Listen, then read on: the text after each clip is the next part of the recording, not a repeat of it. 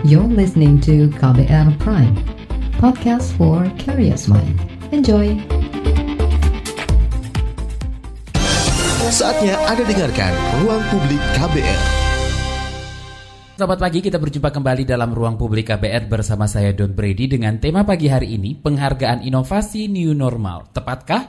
Saudara Kementerian Dalam Negeri menggelar Lomba Inovasi Daerah Tatanan Normal Baru atau New Normal, produktif dan aman COVID-19 dengan hadiah total 168 miliar rupiah. Sebanyak 84 pemerintah daerah ditetapkan sebagai pemenang lomba tersebut. Menteri Dalam Negeri Tito Karnavian menjelaskan lomba ini dibuat untuk mengkampanyekan new normal, sebab menurutnya new normal adalah keniscayaan hingga vaksin virus corona ditemukan. Mayoritas menilai penghargaan ini tidak tepat. Pasalnya pemerintah pusat menggelontorkan dana yang sangat besar, yakni mencapai 168 miliar rupiah untuk hadiah lomba video yang hanya berdurasi satu setengah menit itu.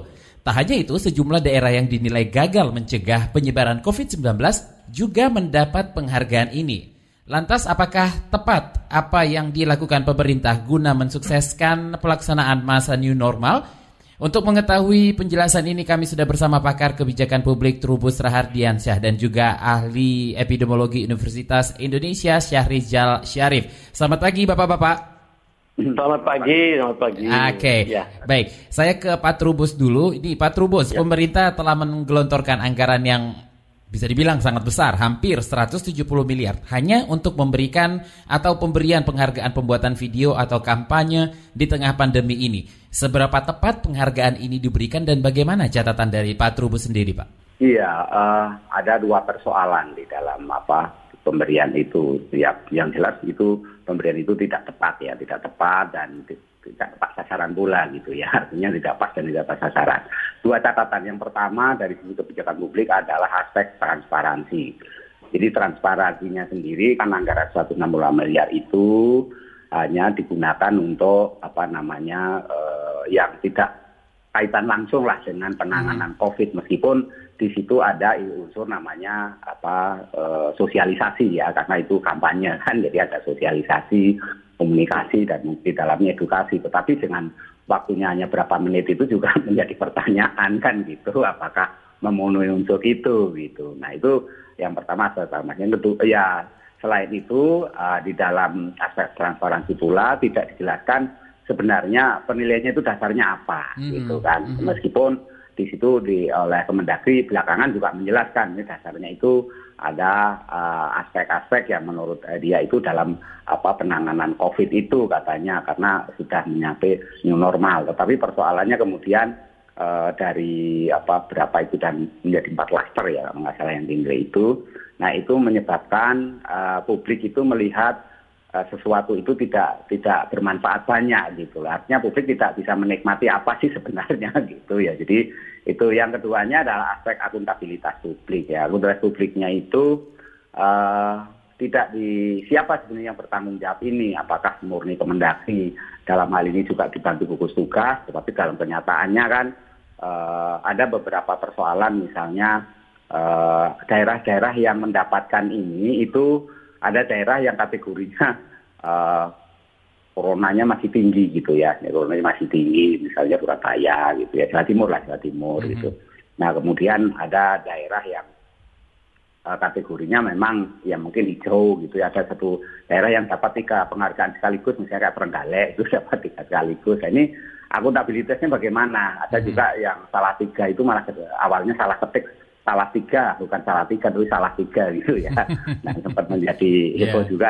Jadi itu menjadi masyarakat itu publik itu menangkapnya itu jadi apa penuh dengan apa keraguan-keraguan gitu, penuh dengan ketidakpercayaan. Ini kan menyangkut public trust ya yeah. sebenarnya. Jadi yeah. konteksnya public trust karena apa? Karena kebijakan ini seharusnya itu bagaimana kita di tengah situasi pandemi ini uh, memperkuat public trust gitu. Karena uh, penanganan COVID ini kan harus betul-betul uh, ada istilahnya dalam kebijakan publik itu PSM peran serta masyarakat. Jadi partisipasi publik itu yang menjadi menjadi kunci daripada keberhasilan bagaimana kita menangani COVID. Nah, di samping juga ada kebijakan namanya kolaboratif gitu kan. Jadi kolaborasi sinergi antara pemerintah pusat dan daerah. Kelihatannya arahnya mau ke sana. Kalau lihat positifnya itu maunya itu supaya ada kolaborasi antara pemerintah pusat dan pemerintah daerah karena memang selama ini uh, penerapan kebijakan dari pusat misalnya PSBB ya itu sudah ada PP-nya PP apa 21 nah kemudian diturunkan dari Permenkes nomor 9 tetapi uh, di dalam praktek itu tidak semua daerah menerapkan itu gitu ya. Ada daerah-daerah yang misalnya apa DKI Jakarta dan wilayah penyangga Jawa Barat itu menerapkan PSBB gitu ya dengan istilah masing-masing. Belakangan ini ada transisi, ada apa adaptasi kenormalan baru, ada istilah proporsional, ya, macam-macam lah. Tapi isinya PSBB. Nah, Terus ada daerah yang tidak menerapkan PSBB, misalnya daerah istimewa Yogyakarta itu tidak menerapkan, ya kan. Nah, tapi ada juga yang Jawa Tengah ini ada, ya juga nggak menerapkan, ada sebagian yang menerapkan juga, tapi tidak semuanya. Nah, menurut saya ini kan menjadi menjadi persoalan di mana kebijakan itu akhirnya tidak tidak sinkron dan tumpang tindih itu yang hmm. menyebabkan kemudian uh, penghargaan inovasi itu menjadi tidak relevan gitu loh. Karena apa? Karena uh, seolah-olah ini Kemendagri ini berjalan sendiri gitu kan, apalagi kemudian belakangan ada teguran dari Bapak Presiden juga itu beberapa hari lalu kan. Jadi yang arah gitu lah rapot yeah, yeah. merah. Nah ini kan juga menjadi catatan sendiri. Jadi uh, aspek transparansinya ini yang masalah itu juga daerah yang dipilih gitu ya, hmm, daerah yang yeah. dipilih. Hmm. Misalnya DKI Jakarta itu apa namanya seperti dihindari yang dapat itu Bekasi gitu. Padahal tahu sendiri Bekasi itu juga masih tinggi ya. ya DKI Jakarta tidak mendapatkan penghargaan sama sekali ya Pak Trubus ya. Ah, sama sekali. Nah ini kan menjadi uh, karena memang belakangan uh, waktu pertama-pertama rame soal apa munculnya COVID di di di, di Jakarta yeah. itu uh, sempat sekali kan ada dua kebijakan yang di mana uh, Pemprov DKI mengendaki kebijakannya adalah karantina atau lockdown, sementara pusat memintanya kebijakannya ya yang belakangan lahir istilahnya PSBB, PSBB. gitu. Nah, pada saat itu sempat uh, Pak Menteri itu artinya Pak Pak Tito itu sempat mendatangi balai kota karena ada hal yang kemudian di situ muncul apa uh, istilahnya kompetisi yang tidak sehat dalam hal ini antara pusat dan daerah. Nah, hmm. di situlah kemudian uh, kenapa penunjukan wilayah itu menjadi ini. Ada daerah yang misalnya Jawa Timur itu ada yang dapat gitu ya, padahal di situ masih tinggi ini. Nah, ini menjadi persoalannya. Yeah. yang menjadi rumit juga artinya soal transparansi juga masalah. Itu ini apa sebenarnya eh, apakah nggak akan ada rekayasa di situ? Ya kan misalnya karena kan timnya sendiri panitianya sendiri kan nggak datang ke daerah. Mm-hmm. jadi tidak tidak turun ke daerah. Dia hanya menerima itu apa namanya video-video itu yang jumlahnya yang pokoknya berhenti di 84 lah gitu kira-kira gitu terus dibagi itu. Nah kemudian uh, maka yang diduga oleh publik itu ya penuh dengan rekayasa karena kan kemudian video itu hanya hanya menampilkan yang sesaat itu gitu yang yeah, menitnya yeah. itu durasinya itu sangat minim. Yeah. Nah ini tidak memenuhi unsur-unsur yang saya katakan tadi unsur hanya KII lah komunikasi informasi dan edukasinya nggak nggak nggak sampai padahal okay. itu yang diharapkan. Yeah. Nah mengenai anggaran sampai jumlah sebesar itu itu kan masuknya di ide ya di ide itu kan ada dua ada di ide sifatnya reguler, ada di ide yang sifatnya tambahan. Nah, rupa-rupanya uh, belakangan di uh, Kemendagri menjelaskan bahwa ini di ide tambahan. Padahal itu apa kalau di ide tambahan itu harus dirundingkan dulu dengan apa kementerian pusat lah. Artinya ini harus dengan daerah juga harus didiskusikan dulu kecuali yang kalau reguler. Reguler itu mau ada kegiatan atau tidak uh, tetap di, diberikan kan gitu. Yeah. Tetapi ini persoalannya kemudian uh, ada yang merembet ke bagaimana nggak itu pemborosan kan okay, gitu, karena okay. ada tanya itu gitu loh mas kira Baik Pak Trubus. Ya. Kalau ke Pak Syahrizal nih, pertanyaannya sama nih Pak Syahrizal. Ya, seperti yeah, yang yeah. saya tanyakan ke Pak Trubus, seberapa tepat penghargaan ini diberikan dan apa yang harus pemerintah cermati terhadap pemberian penghargaan ini? Iya, jadi pertama kita kan dalam situasi uh, krisis seperti wabah seperti ini, apalagi resources sangat terbatas ya, yeah. situasi ekonomi yang kurang baik. Jadi angka 168 miliar itu jelas uh, cukup besar ya, angka yang besar untuk di uh, di apa di uh, dikeluarkan dalam situasi seperti ini. Jadi prioritas sangat sangat dipertimbangkan. Nah, dari aspek itu saya tidak melihat dari sisi epidemiologi sebetulnya upaya penanggulangan COVID-19 itu tidak ada hal yang ajaib atau hal yang sulit ya sehingga kita betul-betul membutuhkan sebuah uh, apa model inovasi yang tujuh sektor itu ya apa betul kita membutuhkan hal yang seperti itu mm-hmm. dengan anggaran yang sebesar itu. Nah yeah. di sini urgensinya kelihatannya tidak tidak pas ya. Nah kita lihat yang dihasilkan itu adalah betul tadi media uh, informasi edukasi berupa video dua menit misalnya, yeah. gitu ya. Nah ini kita tahu lah ya Kemendagri, kita tahu bahwa, nah pertanyaannya adalah apakah kemudian nanti media ini akan digunakan, ya? Nah itu menjadi pertanyaan besar karena kita tahu ini ada ego sektoral, ya. mm -hmm. ya. Pemerintah-pemerintah daerah terus seperti apa? Katanya akan ditayangkan di media sosial. Saya kok ragu ya bahwa itu akan bermanfaat. Lalu pemerintah-pemerintah daerah lainnya akan meniru. Ini kan kita berharap ini maunya ini kan benchmark ya. Uh-huh. Model pasar seperti ini, model restoran seperti ini. Tapi saya kira kita tidak membutuhkan itu. Saya yakin pemerintah-pemerintah daerah lain juga tidak akan menerapkan hal itu kalau itu hanya sebatas uh, tayangan-tayangan saja.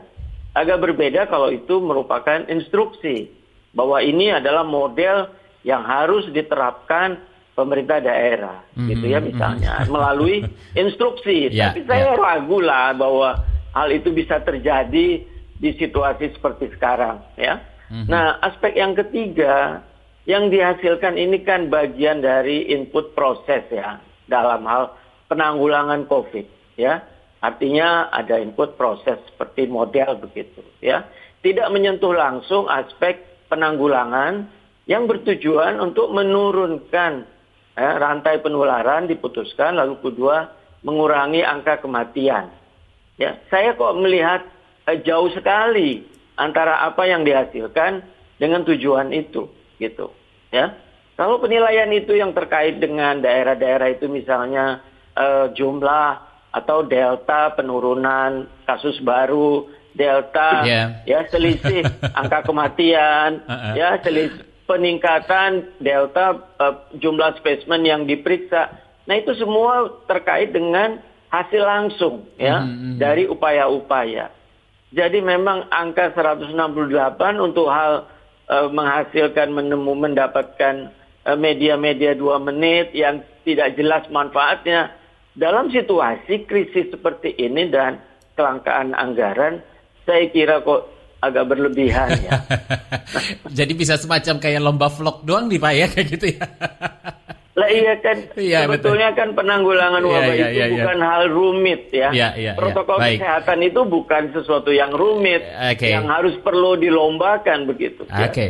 Baik, di segmen berikutnya masih akan kami perbincangkan dengan pakar kebijakan publik Trubus Rahardiansyah dan epidemiolog dari Universitas Indonesia Syahrizal Syarif. Jangan ke mana-mana, tetap di Ruang Publik KBR.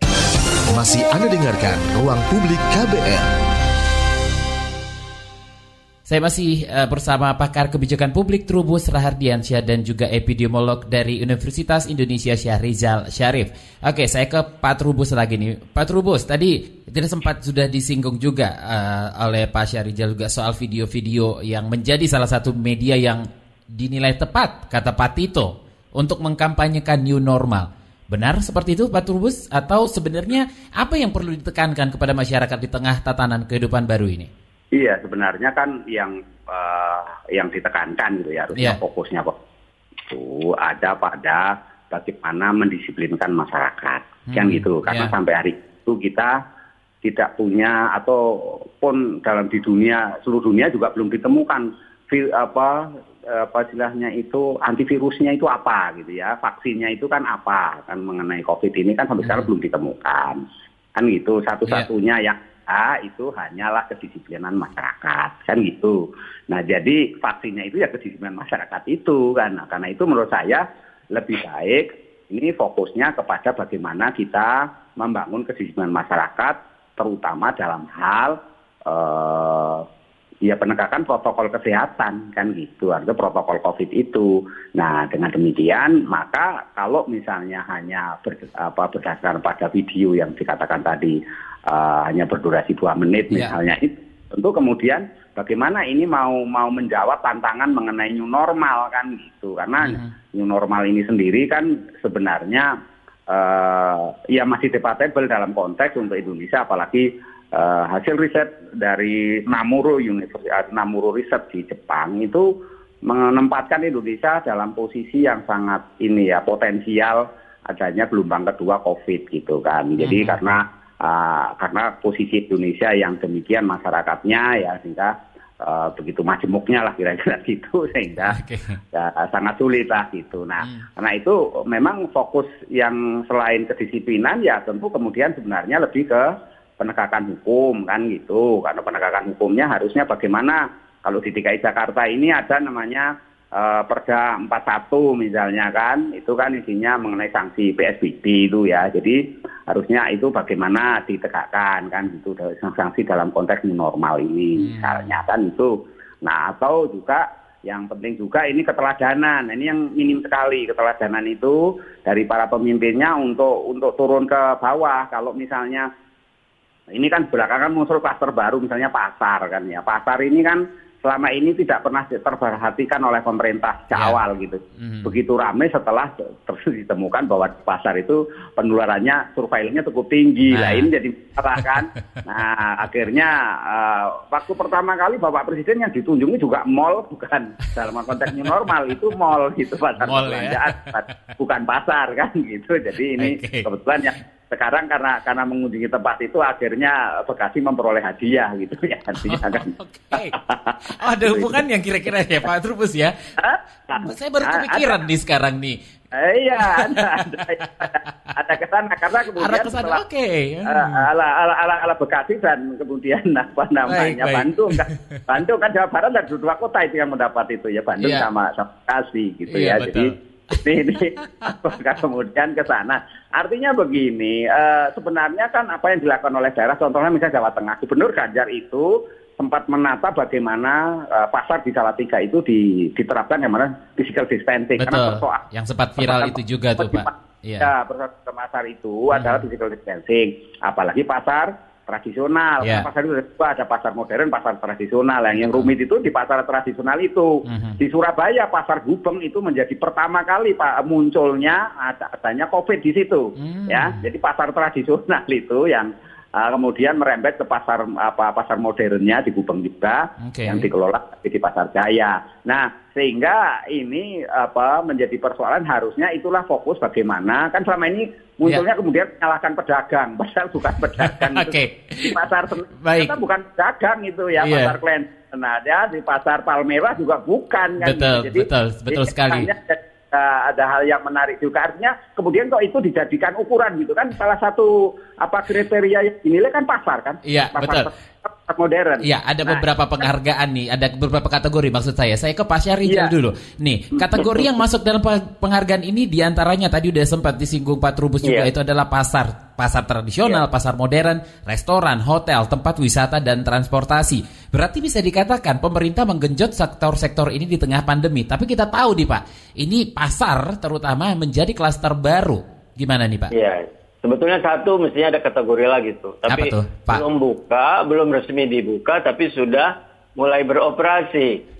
Ya, kategori tempat itu hiburan tempat hiburan malam, tempat hiburan malam.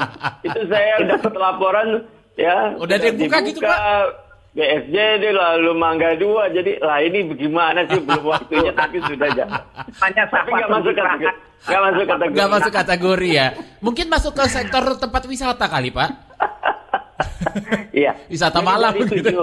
ya, dari sisi epidemiologi kita kan yang pokok itu adalah tem, uh, terkait dengan uh, berkumpulnya orang yeah. lalu jaga jarak gitu ya. Mm-hmm. Sambil protokol apa uh, penggunaan masker, cuci tangan. Jadi sebetulnya dari tujuh kategori itu memang yang paling riskan itu adalah pasar tradisional, tempat wisata dan transportasi publik Betul. ya. Yeah kalau pasar modern, hotel, restoran itu relatif mereka bisa ya punya resources untuk menjalankan protokol kesehatan. Itu jauh jauh lebih mudah ya. Hmm, nah, yeah. pasar pasar tradisional ini juga saya kira yang paling penting itu juga adalah apa yang namanya frekuensi eh, frekuensi pertemuan, persatuan waktu. Nah itu kalau dibandingkan antara pembeli sama pedagang, pedagang itu sangat berisiko untuk terkena dibanding pembeli. Ya. Oke. Nah, oke. oleh sebab itu sebetulnya yang harus dilindungi itu pedagang. Hmm. Jadi saya nggak begitu setuju dengan eh, kebijakan genap ganjil pedagang. Ya, yang bikin pasar penuh itu pembeli bukan pedagang. Tapi kalau nggak ada pembelinya, Eh? pedagang ngapain buka juga, Pak? ya, kesian lah kalau menurut saya pembeli pedagang itu pada posisi harus dilindungi. Oke, Ya. berarti pe- kita Harus- setuju nih pedagang yang harus dilindungi. Kenapa itu, Pak? Iya, karena mereka dari dua itu, pedagang dan pembeli, pedagang itu paling berisiko untuk kena. Hmm. Ya, dia satu hari bisa melayani 10-20 orang yang berbeda-beda. Betul, Ya. iya. Dalam situasi ada kasus asimptomatik begini, sebetulnya pedagang yang lebih berisiko. Jadi pemerintah bukannya gak genap ganjil, bukan bukan begitu, tapi pedagangnya harus dikasih masker, dibantu masker, dikasih dibantu face shield ya, sambil diatur arus jalurnya ya supaya tidak ketemu tidak banyak kerumunan pembeli ya. Jalur itu mesti diatur. Nah, sama halnya dengan tempat wisata itu juga sangat apa ya resources untuk pengendaliannya itu kan kurang lalu kemudian pengawasnya juga kurang. Jadi sebetulnya saya sepakat dengan Pak Trubus tadi ya selain disiplin tapi orang kita di Jawa Timur kan udah kelihatan nggak ada disiplinnya ya. Jadi Dua penghargaan, kedua- Pak, Provinsi Jawa Timur, Ah, Pak. Yang kedua, Iya, iya. iya Pak. Dua lagi. Ya, yang keduanya ya jadi kalau disiplin nggak Eh. nggak ada ya disiplin nggak ada ya harus eh, penegakan hukumnya. Jadi kita ini saya dari awal sekali kan sudah menyarankan agar PSBB itu tidak berizin, tapi PSBB harus diterapkan di seluruh zona merah gitu. Yang kedua, semua aturan denda harus ditegakkan di dunia mana pun. Negara-negara lain juga menegakkan denda. Kita aja yang nggak tegas di dalam menegakkan regulasi. Ya. Hmm, Oke. Jadi saya kira sekarang ini nggak ada yang ajaib lah dalam penanggulangan COVID itu dan nggak perlu dilombakan. Jadi yang penting adalah bagaimana pemerintah daerah terutama. Ya, sejak awal wabah saya menyatakan kunci keberhasilan penanggulangan COVID itu ada pada pemerintah daerah, bukan provinsi, ya kecuali DKI lah karena Hmm. eh, komandonya langsung. Iya. Ya, itu pemerintah betul-betul kabupaten kota itu yang bertanggung jawab karena mereka mempunyai apa rentang kendali manajemen dan juga resources. Ya. Oke. Sekali- ya itu saya kira yang penting. Oke. Kita harus break dulu, jangan ke mana-mana, tetap di ruang publik KBR. Masih Anda dengarkan Ruang Publik KBR. Terima kasih untuk Anda yang masih setia mendengarkan Ruang Publik KBR Masih bersama saya Don Brady Dan dengan tema pagi hari ini Penghargaan Inovasi New Normal Tepatkah? Masih bersama pakar kebijakan publik Trubus Rahardiansyah Dan epidemiolog dari Universitas Indonesia Syahrizal Syarif Oke, Pak Trubus em, Ya. Saya sempat membaca beberapa artikel kemarin soal penghargaan inovasi new normal ini. Berbicara mengenai inovasi, ya katakanlah eh, Jawa Timur yang mendapatkan dua penghargaan, salah satunya Lumbung Pangan Jawa Timur yang mendapatkan eh, penghargaan. Mungkin ini dianggap inovasi mungkin ya. Nah, inovasi seperti apa yang harus dilakukan di tengah pandemi ini sebenarnya Pak Trubus? Iya, menurut saya begini ya.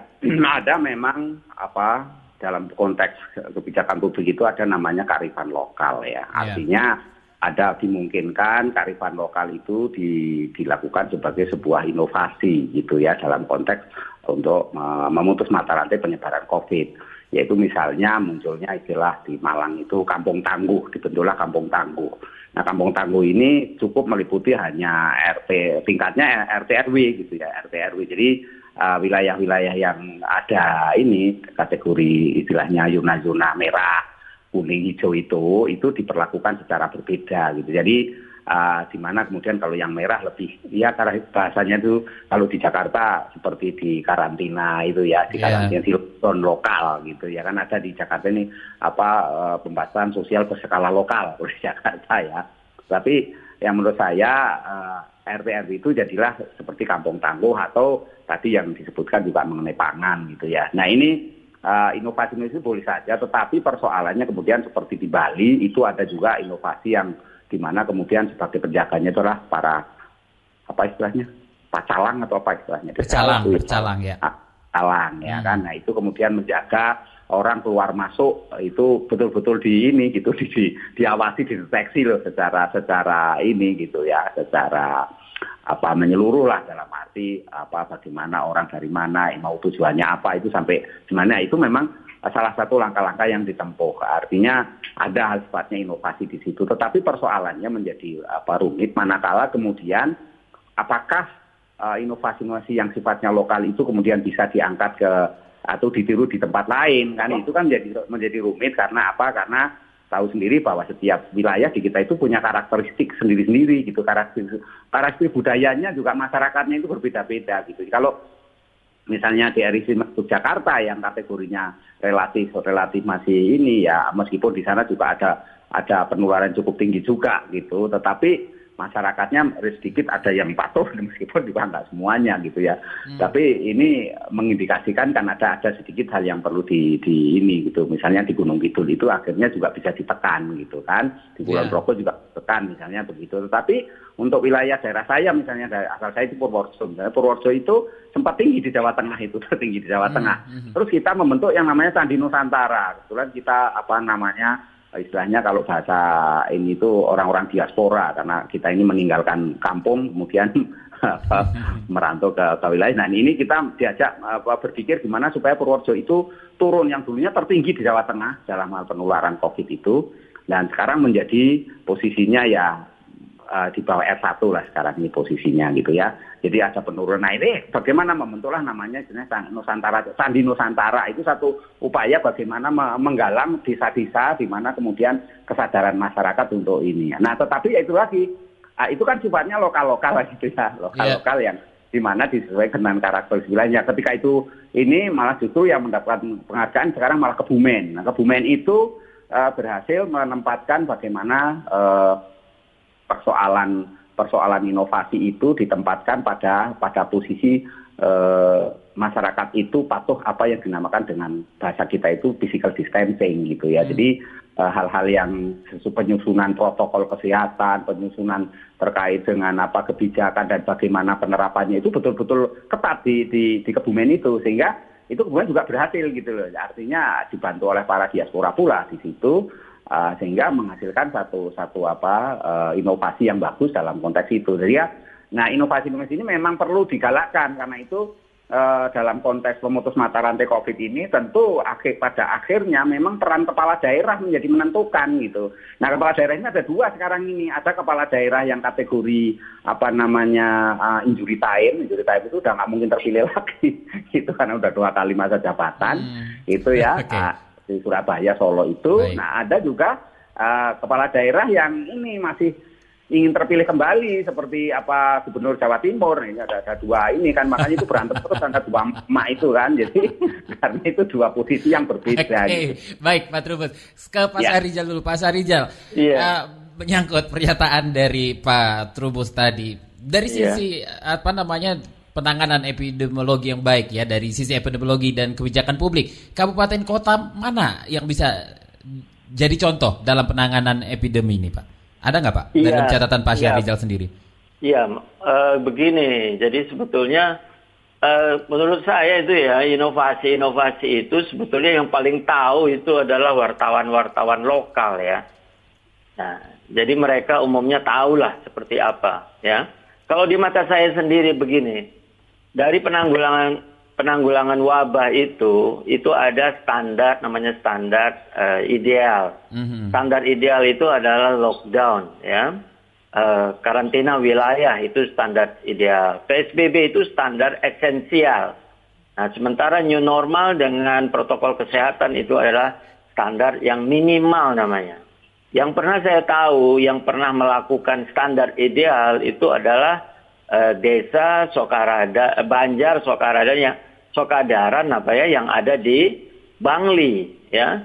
Jadi ketika ada kasus di situ satu orang menular ke delapan orang dari 6.200 penduduk apa begitu, jadi yang mereka lakukan adalah karantina 20 karantina wilayah selama 14 hari tidak boleh keluar kecuali dalam keadaan darurat makannya dibikinkan dapur umum dari Kodim, lalu setiap hari dicek status kesehatan, seluruhnya di rapid test, lalu kemudian diikuti PCR.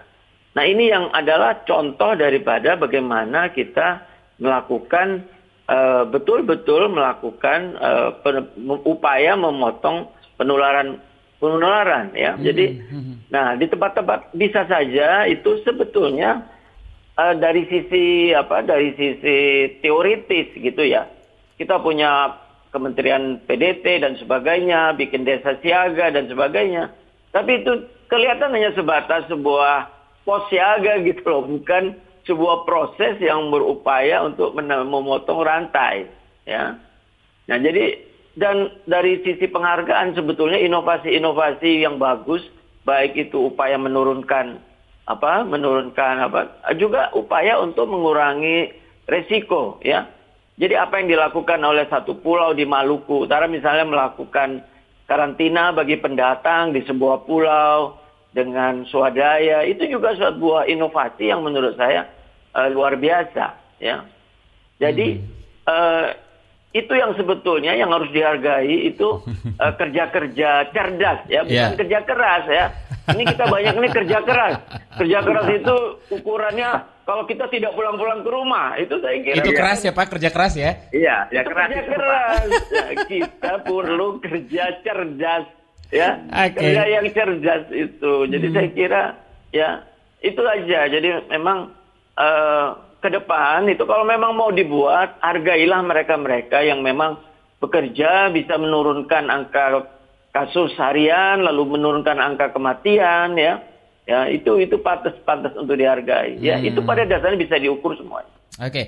Oke, okay, berbicara soal penghargaan inovasi new normal ini, ada juga yang bilang kali ini bahwa uh, apa namanya untuk meningkatkan atau menggeliatkan kembali ekonominya ya. Jadi banyak pihak terus menyampaikan bahwa ekonomi harus terus berjalan di tengah sulitnya oh, iya. kondisi perekonomian dunia karena corona ini. Namun batasan batasan apa yang harus tetap dipenuhi sehingga kesehatan tetap terjamin namun ekonomi juga bisa bangkit ke Pak Trubus?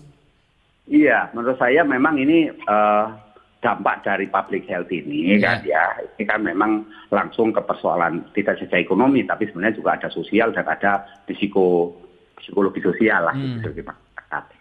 Nah yang kaitannya dengan ekonomi memang tingkat pertumbuhan ekonomi sekarang ini menurun drastis sekali kan artinya kita sekarang ini pada posisi pertumbuhan kira-kira 2,97 persen sekarang dari hmm. ekspektasinya 5 persen. Artinya kalau tidak ada kebijakan baru terkait dengan intervensi misalnya new normal ini, new normal ini kan salah satu upaya ya, salah satu upaya untuk menghidupkan uh, sektor-sektor perekonomian agar tumbuh.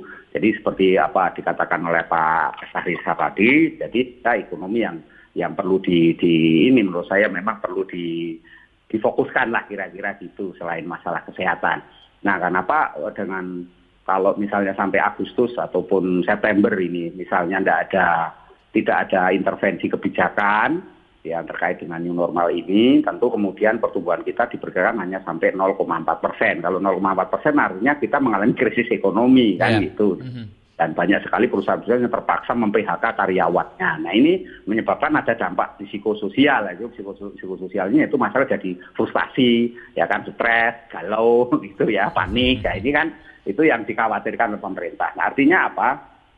memang masalah ekonomi ini menjadi menjadi fokus yang mendapatkan perhatian, tetapi bagaimana juga sebenarnya kalau kita bicara apa horizontal scanningnya gitu, horizontal scanning itu akar persoalannya kan sebenarnya masalah masalah kesehatan kan gitu. Jadi harusnya ini kesehatannya dulu yang difokuskan, kemudian baru ekonominya. Tetapi karena eh, kita juga memahami kondisi kondisi pemerintah negara Indonesia sendiri karena membutuhkan pos yang besar selama ini.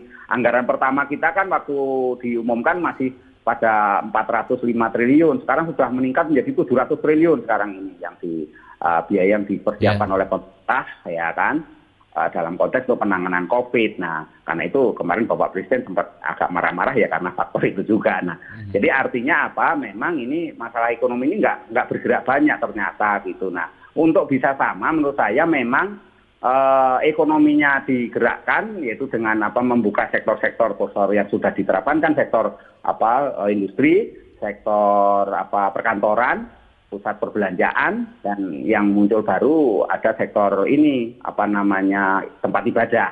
Cuman yang belum ini tinggal satu sektor pendidikan yang belum Right. ya kan. Ya, nah itu uh, kalau menurut saya memang harusnya sektor-sektor yang dibuka itu uh, tetap mempertahankan kok ini menerapkan protokol kesehatan secara ketat karena itu pendisiplinan nasional menjadi perlu karena itu kan pemerintah kemudian me- ya menginovasi atau menginisiasi supaya uh, ada TNI Polri yang turun di situ supaya untuk mendisiplinkan masyarakat. Tapi konteksnya bukan konteks yang lebih yang ditafsirkan secara politis ya. Itu sebenarnya konteksnya lebih masalah ke edukasi gitu ya ke edukasi kepada masyarakat pendisiplinannya itu. Nah jadi inilah upaya yang diterapkan supaya secara bersama-sama. Karena kalau ini enggak se- selalu dipertentangan antara kesehatan dengan ekonomi itu nanti persoalannya menjadi kita tidak maju-maju gitu artinya Oke, uh, baik. menjadi rumit lah ya gitu korbannya terlalu masyarakat yang paling bawah itu yang paling paling paling menderita Paling ya. menderita seperti itu Pak Trubus ya. Oke, Iya. Pak Trubus dan Pak Syarijal kita masih ada satu segmen terakhir. Kita harus break dulu, jangan ke mana-mana, tetap di ruang publik KBR. Masih Anda dengarkan Ruang Publik KBR. Kita tiba di bagian akhir ruang publik KBR. Bagi Anda yang tidak sempat mendengarkan siaran ini secara utuh, bisa mendengarkannya kembali di podcast kbrprime.id dan di aplikasi podcast lainnya lalu pilih ruang publik.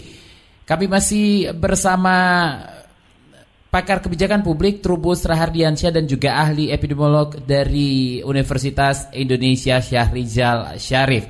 Oke, saya ke em, Pak Syahrizal dulu nih. Pak Syahrizal, dari tadi kita sudah ngobrolin soal inov, apa namanya penghargaan inovasi new normal.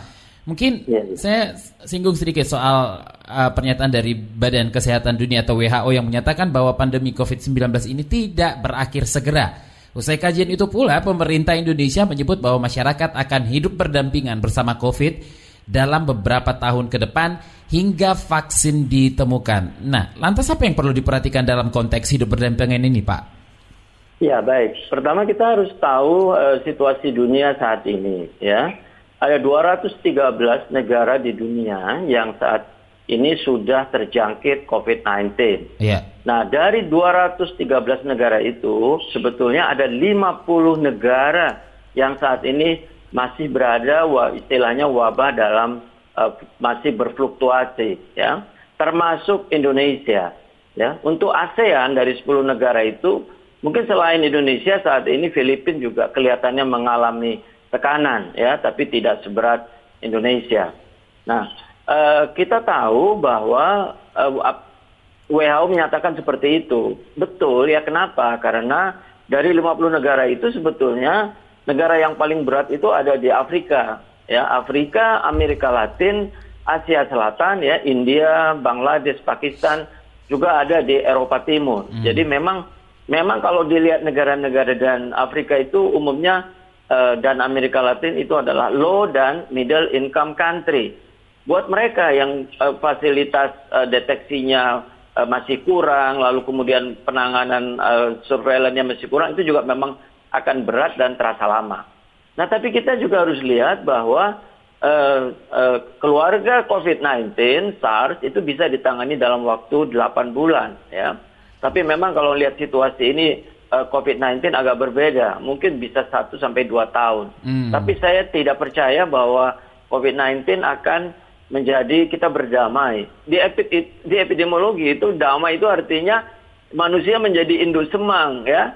Induk semangnya aslinya COVID-19 itu kelelawar. Jadi tetap sajalah di kelelawar jangan di kita lah ya. Kedua bersifat endemik seperti kita penyakit tuberkulosis, malaria dan sebagainya. Jadi saya kira tidak ya. Mudah-mudahan ini akan segera eh, ko- apa vaksin harapan vaksin ya mungkin Agustus Oktober tahun depan ya saya kira eh, Masih tahun depan itu- ya Pak, saya kira Ya, tadi Ag- tahun. Agustus, tahun Oktober tahun ini Pak, saya udah sedang banget. Enggak, tuh. enggak mungkin vaksin karena apa? Ada Aduh. 10 tahap ya. Ada 10 tahap di Baik. dalam dan saat ini baru fase 2 3 klinis. Ya, masih Setelah fase uji 2 klinis klinis, ya, itu betul. masih ada ya masih ada 6 Wow. 5 tahap lagi sampai vaksin sampai ke masyarakat ya. Baik. Jadi gini. Jadi saya kira eh, negara-negara yang lain 50 ya 84 persen negara sudah berada menurun kendali. Jadi saya kira kita harus optimis juga.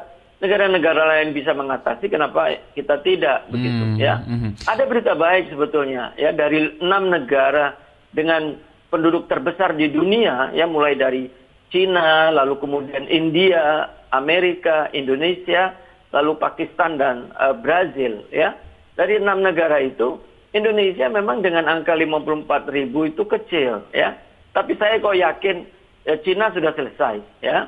Amerika kita tahu angkanya tinggi 200 Betul. juta, lalu Iya. kemudian eh, kita masuk Indonesia, India itu berat sekali dengan 1,3 juta ya.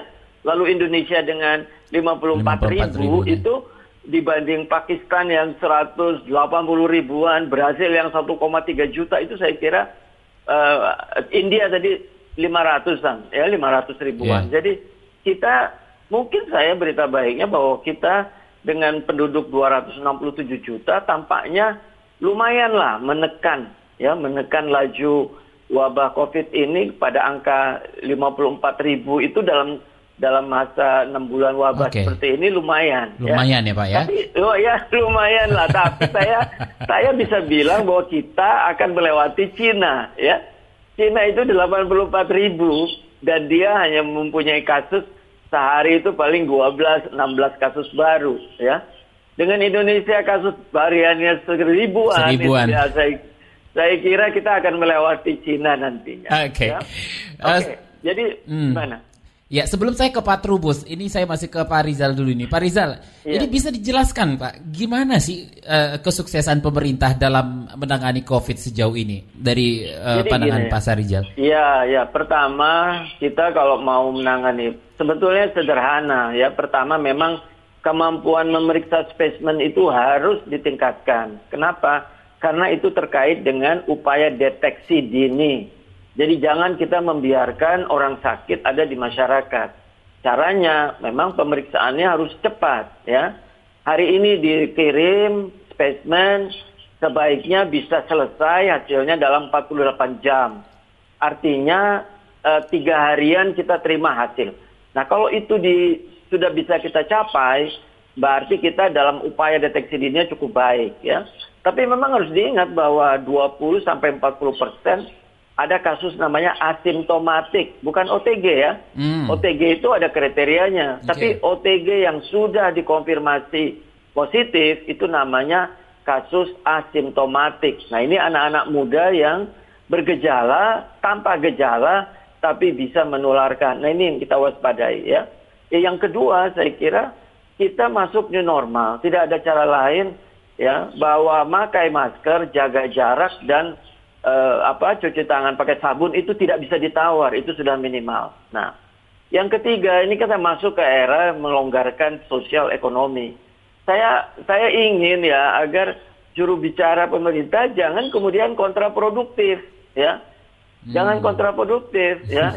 Baru saya dengar kemarin dia bilang, "Wah, ada hati-hati dengan apa klaster baru, klaster kantor, restoran." Nah, ini kan Ya. di satu sisi kita ingin membuka rumah makan, restoran sebagainya untuk menggerakkan ekonomi, ya. Tapi kemudian juru bicara bicara seperti itu, itu kontraproduktif dari fase-fase yang kita laksanakan. Hmm. Jadi ini memang perlu kerjasama lah antara ya di pemerintah pusat juga harus hati-hati kalau memberikan pernyataan-pernyataan, ya. Hmm. Ada juga pernyataan yang memberikan apa arahan bahwa angin bisa menularkan COVID. Ya, jadi tolonglah siapa eh, baiknya pernyataan-pernyataan itu berbasis bukti gitu ya. Oke. Juru bicara juga pernah bahwa menyatakan bahwa COVID bisa menular melalui airborne gitu. Itu tidak benar. Itu hanya terjadi di research dan itu hanya untuk eh, kewaspadaan tenaga kesehatan, Mhm. bukan untuk di ruang publik ya. Oke. Jadi saya kira di nasional juga harus hati-hati dalam memberikan pernyataan-pernyataan, apalagi resmi, supaya tidak kontraproduktif dengan apa yang kita lakukan. Hmm. Saya masih percaya bahwa eh, standar minimal kita menggunakan masker, jaga jarak, lalu kemudian mencuci tangan atau hand sanitizer, itu standar minimal yang harus kita tegakkan Mhm. dan bisa bisa mengatasi wabah. Wajib dilakukan seperti itu ya Pak ya? Wajib, wajib, wajib Oke. dan posisinya ya bukan tadi memberikan hadiah-hadiah itu justru yang harus dikerjakan balik lagi ke hadiah nih pak kita. iya janganlah buang-buang duit mending okay. ya, mending kasih satpol pp untuk me menertibkan gitu ya pasar tradisional iya, iya, betul, restoran betul. gitu loh betul betul saya setuju itu pak uangnya ya, ya. baik ke mungkin ke Pak Trubus Pak Trubus dari tadi nih Bapak nyinggung-nyinggung soal pidato Pak Presiden yang marah-marah nih Oke, kira-kira kenapa nih Pak marah Pak Presiden nih Pak Trubus? Iya, karena menurut kita uh, persoalannya kan uh, peningkatan daripada COVID ini kan tidak sesuai apa namanya keadaan. Jadi gini, ada tiga hal itu soal data, datanya sendiri kan naik terus ya kan naik terus jumlahnya gitu loh jumlah ODP PDP-nya. Nah kemudian faktanya itu kan e, banyak sekali kebijakan-kebijakan yang tumpang tindih, banyak sekali para menteri yang tidak bekerja secara optimal menurut yeah. perhitungannya itu. Nah, kemudian layanan publiknya juga tidak berjalan sebagaimana yang diharapkan antar kementerian juga saling inilah ego sektoral masing-masing.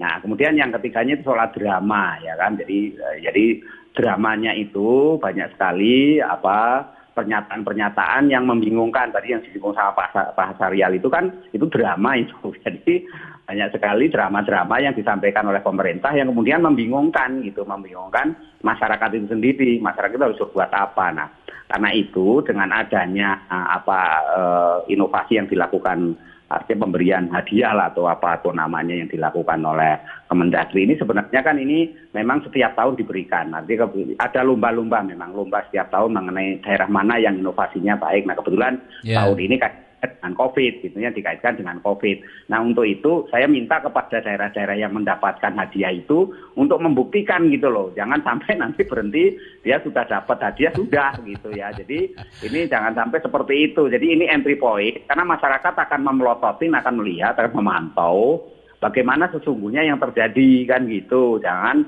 sudah dapat hadiah nanti misalnya ke Bekasi, Bandung, lah ini bagaimana nanti uh, kita lihat ke depannya kan artinya ke depan. Nah kemudian untuk Kemendagri sendiri ya memang ketika membuat uh, semacam lomba-lomba seperti ini apa pun nanti jenis ke, apa jenis kegiatannya ya kebijakan itu uh, harus menempatkan dua hal yaitu masalah aspek transparansi dan kedua aspek akuntabilitas. Okay. Nah itu itu yang penting itu. Okay. Jadi uh, itu yang harus harus di, di apa di, ditekankan, ditekankan gitu. Uh, Baik, Jadi, uh, kita pengen sepakat dulu nih Pak di, di dua menit kita terakhir. Kalau kita sepakat dulu ini harusnya penghargaan seperti apa yang diberikan oleh pemerintah ini ke Pak Syahrizal?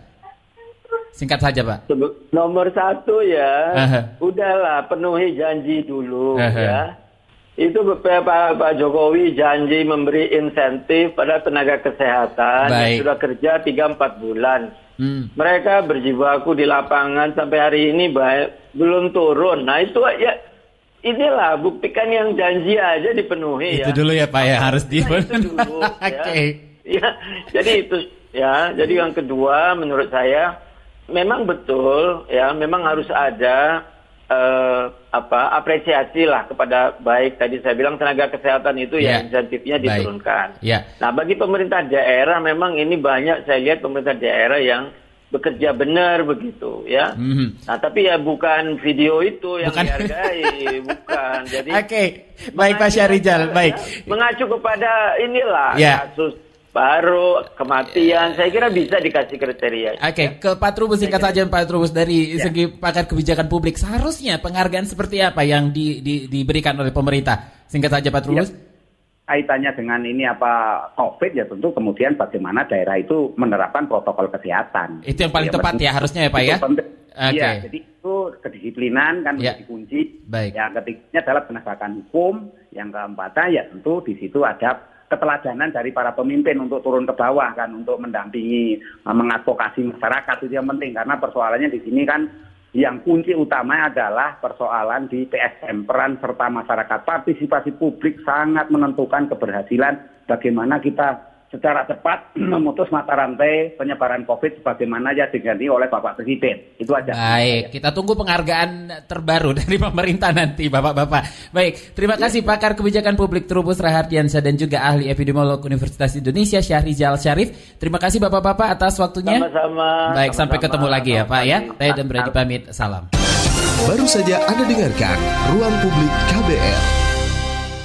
KBR Prime, cara asik mendengar berita. KBR Prime, podcast for curious mind.